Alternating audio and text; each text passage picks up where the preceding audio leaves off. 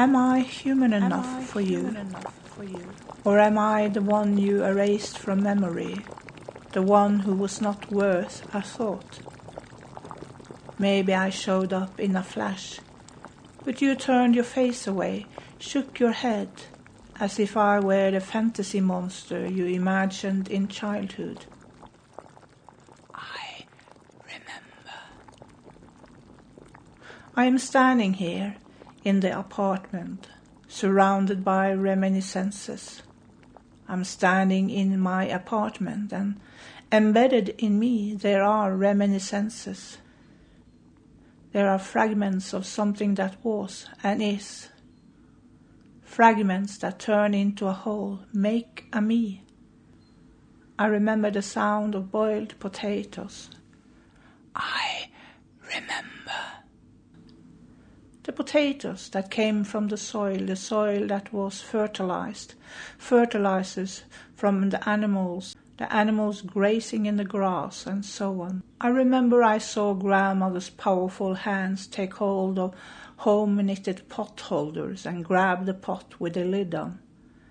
The lid made small bounces up and down from the pot. It was the water that tried to push it away. Grandmother lifted the pot off the plate and turned off the big black knob on the stove.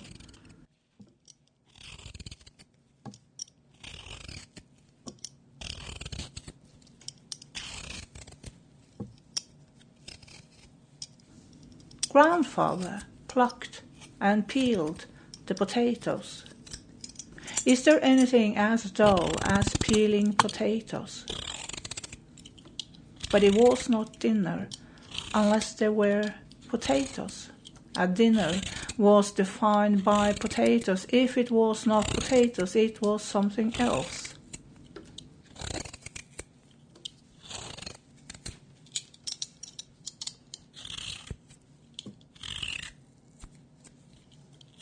I remember I was seven years old and I was on my way to Breibukta.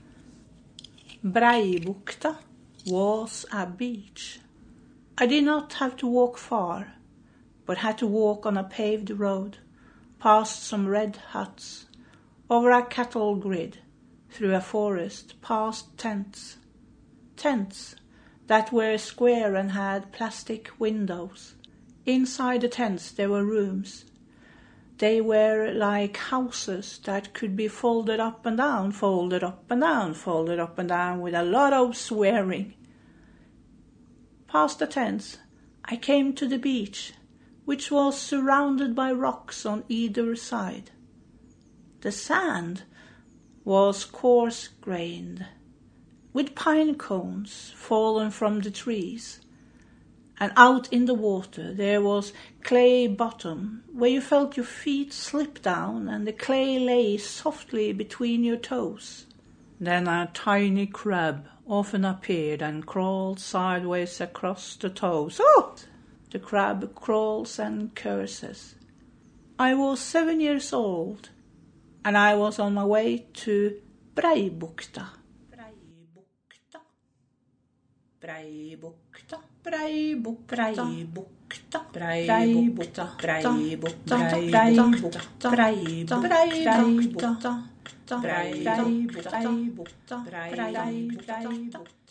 A shed by the sea, a boathouse by the sea, a viewpoint overlooking the sea, a suicide spot, a shed by the sea, a boathouse by the sea, a viewpoint overlooking the sea, the sea with big waves, waves hitting land, land lying in fog, fog that was thick outside the shed.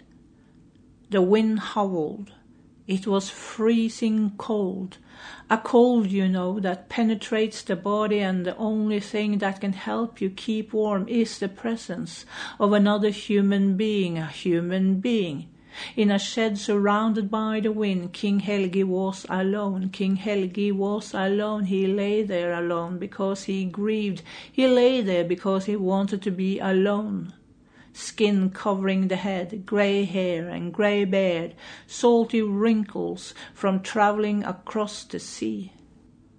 Suddenly, there was a gentle knock on the door. I remember, I remember, I remember, I remember, I remember, I remember. Suddenly, I heard someone shout at me. I was seven years old and on my way down to Breibukta, the beach, the beach that lay behind the forest and between some rocks. The rocks were soft in their hardness and looked like a light complexion with brown and uneven spots. Outside one of the tents I passed, a tiny little woman stood and shouted and waved to me and asked if I wanted juice. I was shy. Of course I wanted juice. You want juice? Yes, juice. She nodded her head, and her arm with a small hand waved me closer. Is she a dwarf? I thought. She leaned forward and became even smaller. At the top of her head I saw a strip of grey emerge. She was no wolf or anything scary, just a cute little grandmother, a Baba Yaga, who was standing smiling outside an orange tent. Baba Yaga. If it only was Baba Yaga. If it only was Baba If it only was Baba Yaga. If it only was Baba Yaga. You know, I have to record this over and over again, getting a bit tired of it. I need to stretch. And I'm not in my bathroom today, so you might hear some sounds around me. I'm in my office, I'm trying another room. Uh, so I'm in my office room in the apartment, uh, but I need to stretch. So, and you can stretch two at the same time. And a good exercise is if you extend you both extend both your arms straight in front of you with the palms down. And then you let the ha- left hand grip around the right hand so that the left thumb is under the palm of your right hand. Then you bend your right hand straight down, and your left hand helps to push your right hand up against your arm from under your arm. And you can feel it stretch through your whole, at least at the bottom of the arm, uh, it stretches. And it's good if you sit a lot next to the computer. And then you do the other way. Your right hand grip around the left hand, and then you push it down and up from under. Great, wonderful. Thank you.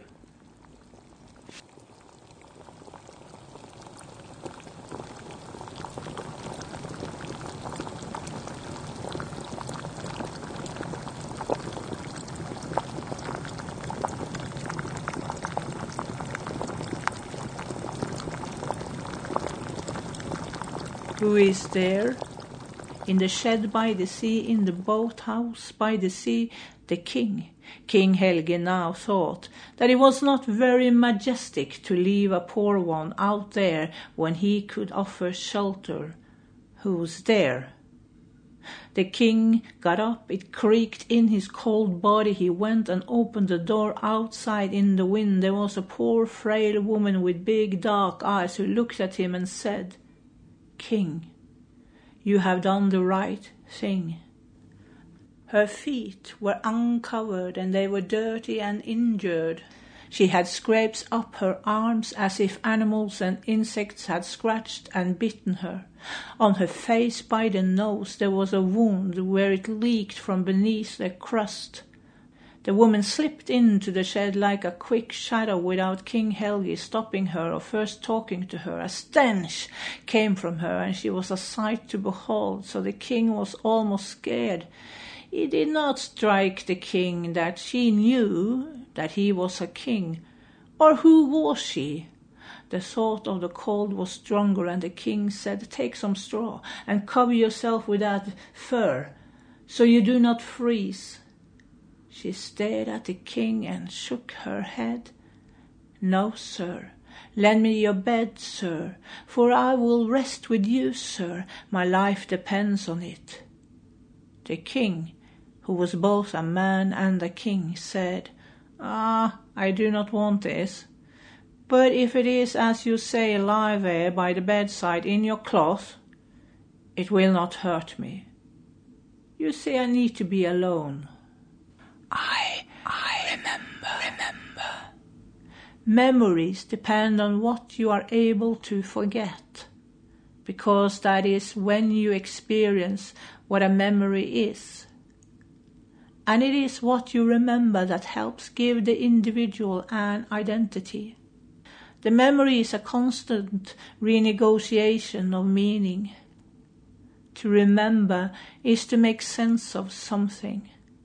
To work with memories is not to peel off but to view events from the present.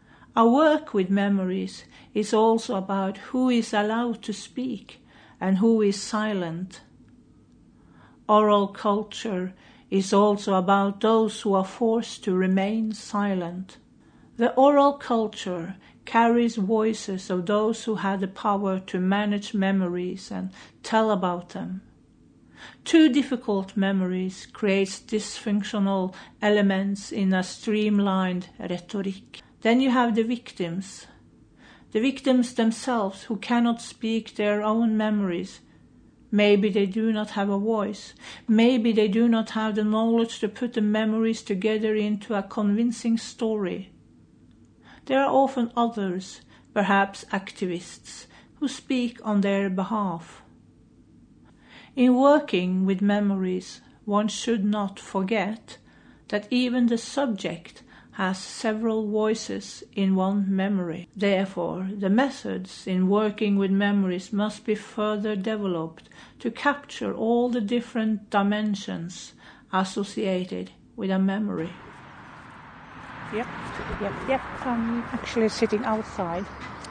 Um, let me see how much what the time is. Uh, it's actually 6:39 in the morning, and the reason why I'm sitting outside now is because I'm sometimes I, I am quite lazy, so uh, I actually uh, have ordered food to be delivered on my door, and they said that they would come between four and nine in the morning. I mean, four o'clock. So I've been up since four o'clock. Uh, they haven't delivered yet. I, I have not. I have not been sitting outside since uh, four o'clock. I have to admit that. But uh, now I'm sitting outside. I'm um, some few cars are driving by. There is not. there is not many. There are not many people to see. Uh, well, there's a man walking there, so I better speak uh, not too loud because it's quite embarrassing sitting here recording myself with this huge microphone I have, which is quite visible, I have to admit. Anyway, this is a bit uh, a slight, a little documentary thing in the podcast. And I'm talking about memory. I talk a lot about memory. I have to admit to that. Um, and I wonder how far back do you remember? I mean, how far back have you learned to remember? If you understand what I mean. I think our memory actually go beyond our own lifespan. That we have learned to remember things that happened before we were born. Like, for instance, uh, the grandparents of my grandparents, who the grandfather who drowned out in the ocean. Um, so I'm wondering about that. Yes. Well, I end this now. I remember. Breibukta. I was seven years old and on my way there. Of course. I would like to have juice, juice. I walk into the little tent, and inside there sits a little man with reddish beard and glasses. He wears a short synthetic shorts and a jersey, you know, one with many holes. He was wearing such a jersey. It was supposed to be white. He sits next to a round white plastic table and rolls a cigarette. I got a glass of juice and stood sipping it. Ha! Oh, you are sweet. Come here and sit on my lap. Even though he is small, he is big. He is an adult.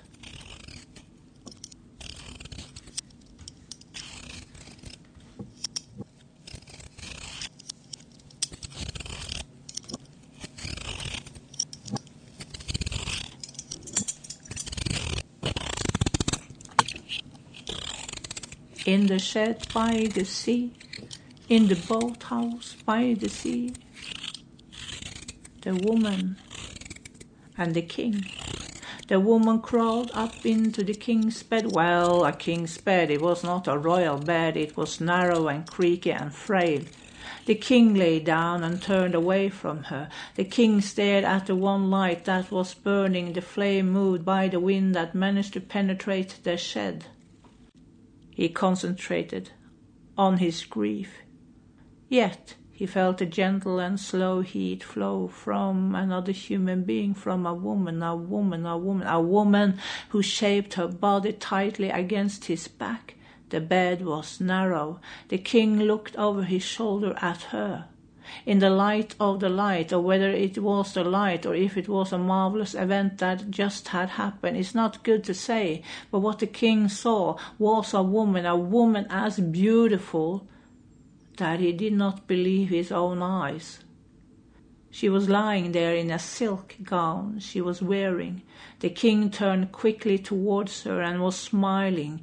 He did not think of the magic that lay behind it all. A thirst was aroused in him, a hunger for closeness to another human being. Who are you? She said, Now you have saved me from the curse that lay upon me. Have I? Yes. I can now leave. You were the king who dared to welcome me. And with that, you saved me. The king put his arm over her and leaned against her. No, said the king, you do not have the choice to leave so soon and we shall not part. We are now going to make an urgent wedding because I like you very much. Boiling, boiling, boiling, boiling, boiling, boiling, who cannot speak their memories. Maybe they do not have a voice. Maybe they do not have the knowledge to put the memories together into a convincing story. I did not dare to say no. I crawled up on the man's lap. He blew the smoke in my face and I coughed. The wife laughed heartily and nodded her head as a sign this was a good idea. His summer sweaty hand stroked my tie. I was seven years old and stiffened. The glass in my hand began to shake and my lower lip began to tremble. He took the glass out of my hand and put it on the white table.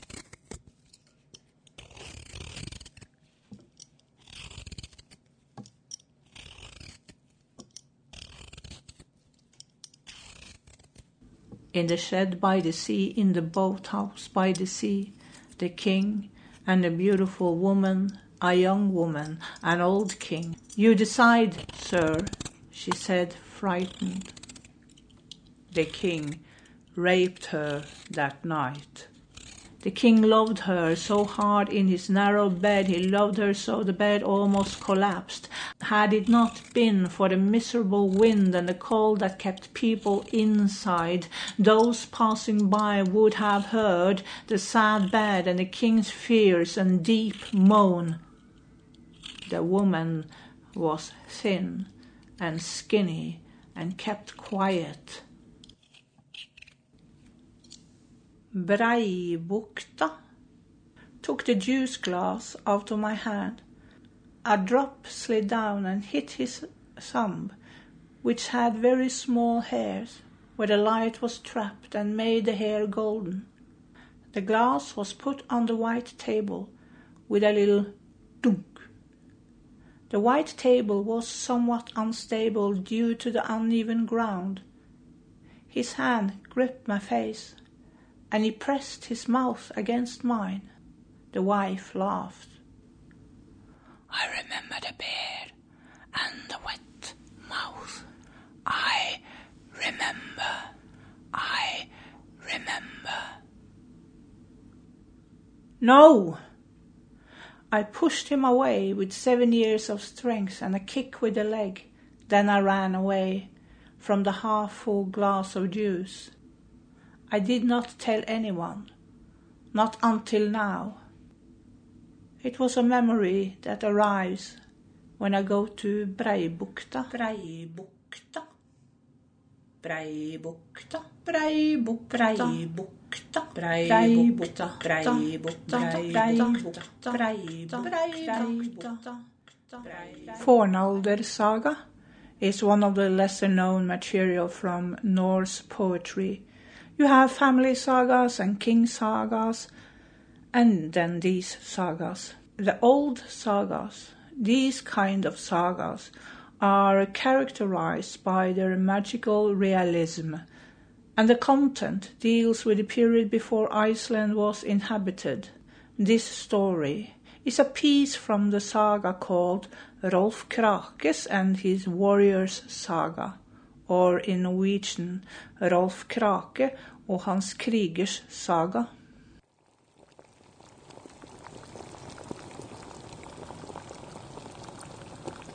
In the morning, she said, The woman, the beautiful woman, you have now done what you wanted with me, against my will. It will cost you dearly. You should know that we will have a child. Do not forget that you have a second child. You have one son who will soon become king after you. This will be your second child. Now do as I say, King, visit our child next winter here. Otherwise you will pay if you do not. She, our child, needs her history, and am I not human enough for you? The king, who was no longer interested in the woman, gave no answer. He was now rid of his melancholy and wanted to go home. The woman left, the king left. The king lived his life until he took his own life early one morning down by the sea. The king's son, Rolf Krake, took over the kingdom. The woman who once visited the king was an elf. King Helgi never returned. He had a daughter with her named Skuld, which means theft. A message was sent to King Helgi about a child, but he overlooked it as if it were an insect he was waving away. As a revenge, as revenge for never taking care of the daughter or looking after her, Skuld waged a vengeance against the new king, Rolf Krake. The daughter became monstrous and would plague the kingdom for a long time. How many men tried to fight, but they all had to give their life. If you defeat a monster, you become a hero who will be remembered and modernized. If you do not win, you will be the clause of the main story, something easy to cut away. A memory of the monster was transferred to another even more famous literary work, but then the female monster turned into a man. The work is called Beowulf.